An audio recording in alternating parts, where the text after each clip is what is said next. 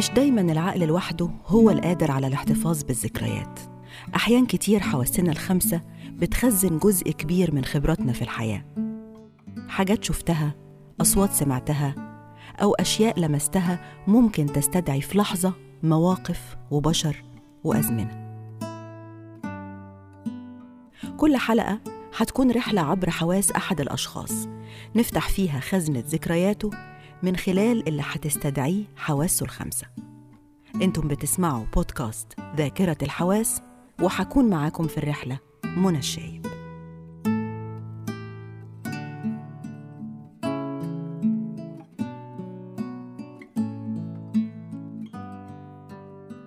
كاتب وروائي. حياته سلسلة من التجارب المتنوعة والمختلفة اللي أثرت إنتاجه الأدبي.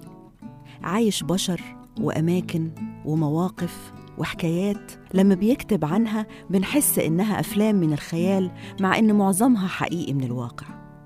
قصصه خليط من الواقعية السحرية بشخصيات أسطورية وفي نفس الوقت شديدة الارتباط بالمجتمع المصري بكل فئاته. رحلتنا النهاردة مع ذكريات حواس الكاتب والروائي تامر عبد رب النبي.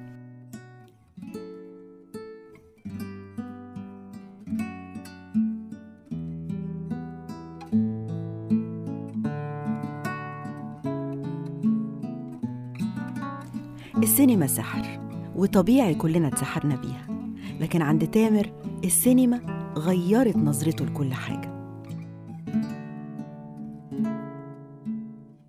حاسة النظر عندي بترتبط بأول يوم دخلت في السينما. لما القاعة ظلمت وبعدين ظهر نور الشاشة. وأول فيلم كنت شفته كان فيلم الكتكات. يومها خرجت من السينما وأنا راجع وقع نظري على نفس الشوارع والأماكن اللي عديت منها وأنا رايح. بس حسيت إن منظر نفس الشوارع والأماكن اختلف بعد ما اتفرجت على الفيلم. عرفت بقى من يوم إن السينما بتغير نظرتنا للحياة. وبتلفت نظرنا للجمال اللي حوالينا. فابتديت اهتم بكل ما يخص السينما وتعرفت على عالم الكتب اللي بتتكلم عن السينما وال ودخلت العالم دوت من من أول يوم حسيت بيه لما القاعة ظلمت والشاشة نورت. يلا بينا تعالوا نسيب اليوم بحاله. يلا بينا تعالوا نسيب اليوم بحاله. وكل واحد مننا يركب حصان خياله ديرجن ديرجن ديرجن ديرجن ديرجن ديرجن ديرجن هنهرب من النهارده. طيب علاقتك بالسينما عموما اتطورت إزاي؟ آه الأول كنت متذوق. يعني كنت بشوف الفيلم ال ال ال الكويس حتى لو أنا ما ما كنتش أعرف نجوم يعني حتى في السينما العالمية كنت بتفرج على برنامج نادي السينما أو كده فما كنتش اعرف آه مين النجم اللي بيمثل بس كان بيعجبني الفيلم وكان بيشدني الحالة اللي بي بيسيبها فيه فبدأت بالتذوق بعدين ابتديت اتعرف اعرف مين هم نجوم السينما مين آه المخرجين المميزين مين اللي اللي بيكتب للسينما سواء محليا أو عالميا. ابتدت المعرفة وبعدين بدأت بقى الهواية. إن أنا أشوف حاجة أو موقف أو تفصيلة في الحياة أبدأ أعمل عليها شكل سينمائي من بداية لوسط لنهاية و بتتخللهم تفاصيل بقى عن الشخصيات وعن الأحداث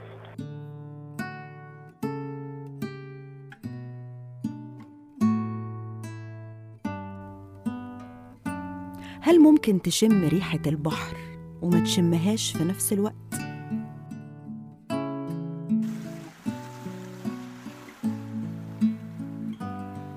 حاسة الشم عندي بترتبط بهوا اسكندرية.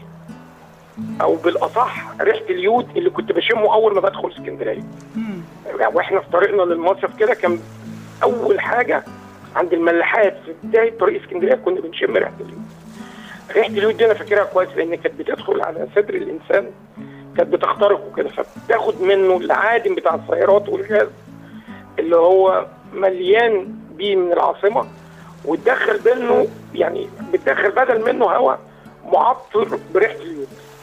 فكانت ريحة اليود دي مش مجرد بتعطر الجو لا ده كان تأثيرها بيتخطى التأثير على الأنف.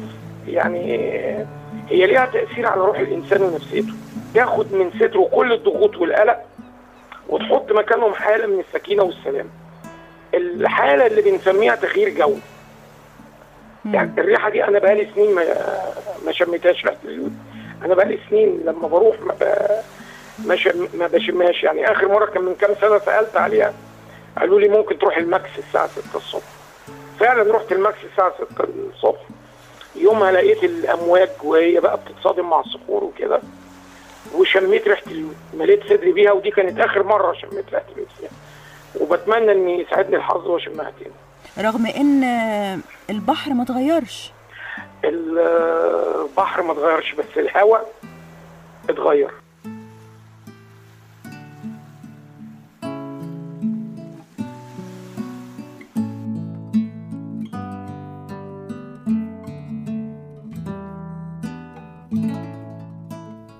أي حاجة معمولة بحب بتوصل للقلب. ما بالك بقى بالأكل؟ الحب هو سر حاسة التذوق عند تامر واللقمة اللي معمولة بحب واهتمام بتفضل حلاوتها في اللسان طول العمر.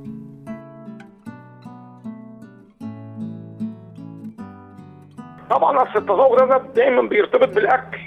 أنا كان عندي الأكل اللي معمول عن حب ومتجهز للمناسبات بتاعة اللقا بعد الفراق يعني أنا عمري ما هنسى الأكل اللي أمي جهزته لي في أول زيارة ليا. لما كنت في الجيش قد إيه بقى كانت أصناف كتيرة و... الأكل ده بقى بيتكرر من إيد أمي بقى في الأعياد والمناسبات لما بتجمع أنا وأخواتي ولما بيكون مثلا ليا أخ راجع من السفر بعد فترة فبتقعد هي تحبش له الأكل اللي بيحبه وإحنا برضه بينوب من الحب ده جانب. فبتبقى الأكل اللي معمول عن حب ده بيبقى له طعم ومذاق آه مختلف. بيبقى داخل فيه مش موضوع طبخ بس بيبقى داخل فيه إخلاص وتفاني. في اسعاد الأشخاص اللي إحنا بنحبهم الحالة اللي بتبقى الحالة. عند الشخص أيوة اللي بيطبخ وهو بيطبخ. بالظبط. آه. هو بيجهز وهو بيعد وهو مهتم بالتفاصيل والحاجات دي كلها آه بتبان في طعم الأكل. كمان يعني بمناسبة التذوق أنا فاكر زمان كانت المحلات الأكل كانت بتتخصص في صنف واحد من الأكل مش مش أصناف كتير يعني. يعني وكان دايما اللي بيقوم بتج- بتجهيز ال- ال- الصنف اللي بيتعمل ده صاحب المحل. وطبعا كان بيتقن فيه. مم. يعني أنا كنت زمان أفتكر إن كان في مثلا محل للمكرونة بس أو محل للطعمية بس أو للفطيرة اللي هي بالسكر بس. أيام بقى المحلات المتخصصة دي كانت بتفضل حلاوة وطعم الأكل على اللسان.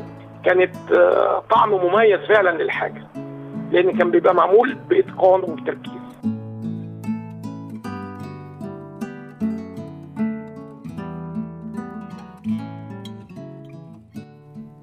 ممكن نفس الحاجة يبقى ليها ملمس مختلف في مكان تاني؟ ممكن جدا طبعا. إحنا زمان عم لما كنا بنروح مثلا ال- القرية في الصيف اللي والدتي منها وكده فكانت إيدينا مثلا تلمس الفاكهة وهي على الشجر. يعني لما نيجي نقطف عنقود العنب كده من التكعيبة ونمسكه أو نقطف حباية طماطم مثلا من الأرض أو كده فكانت ال- ال- الفاكهة أو ثمره الخضار دي كانت بتبقى آه، حاسة اللمس بتاعتها مختلفة عن الفاكهة اللي بنقعد آه، نشتري اللي بنشتريها وزمان كنت أفتكر الأحياء في مصر زي الروضة وجاردن سيتي وكده كان بيبقى فيهم فيلات وقصور فكنا لما نروح. يعني نروح نتمشى أو نروح آه، عندنا آه، مناسبة أو عندنا زيارة مثلا كانت ال... ال... الأماكن دي كان جواها شجر فروعه بتمتد للشارع بره. فكان يبقى الواحد ماشي ويلاقي يعني يلاقي ثمرة مانجا مثلا سقطت قدامه أو على راسه. فكان لما يمسكها كان بيحس بملمس مختلف تماما عن ملمس نفس الفاكهة بتاعه السوق اللي بيروح ينقي فيها ديت وبيبقى ليها ملمس كده وبيبقى فرحان بيها. يعني بعد كده الواحد حس إن هي زي مثلا بمثابة العطاء الإلهية كده.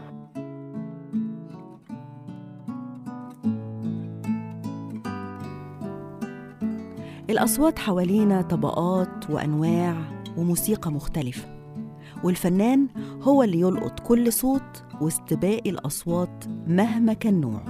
بترتبط عندي بالمفاجآت اللي بتصدر من آه، الأصوات الطبيعية للمخلوقات. يعني بمعنى إيه؟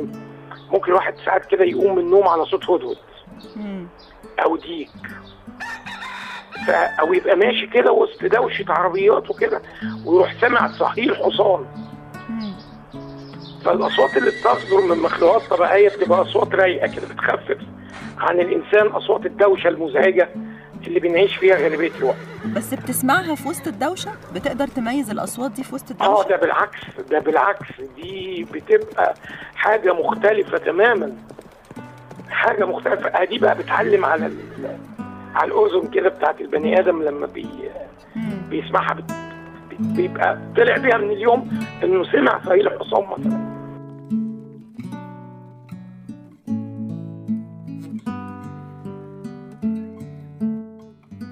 والفرحة كمان ليها صوت خصوصا لما تكون طالعة من القلب فبتدخل القلب وتسعد الروح. برضه بخصوص حاسة ال- السمع حاجة من اللي, افتكرها وكانت مبهجة جدا يعني إن الواحد كانت ودنه تسمع زغروطه. آه. يعني قبل وسائل التواصل الاجتماعي آه كنت ممكن مثلا الساعة 11 12 الصبح أسمع صوت صغروتك مجلجله كده. فكنت أعرف إن نتيجة الإعدادية أو نتيجة الثانوية ظهرت ولو مثلا جت الزغروطة دي على آخر النهار كده كنا بنبص الزغروطة دي جاية من بيت مين؟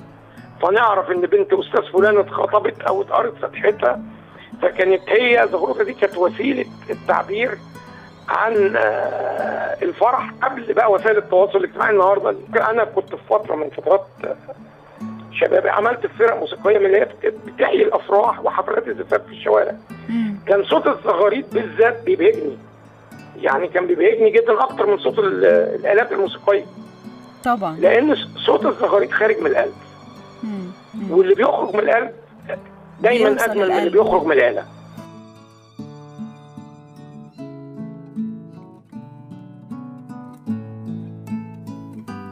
الرحلة خلصت وخدتنا معاها لذكريات ومشاعر كلها حب وشجن وفن.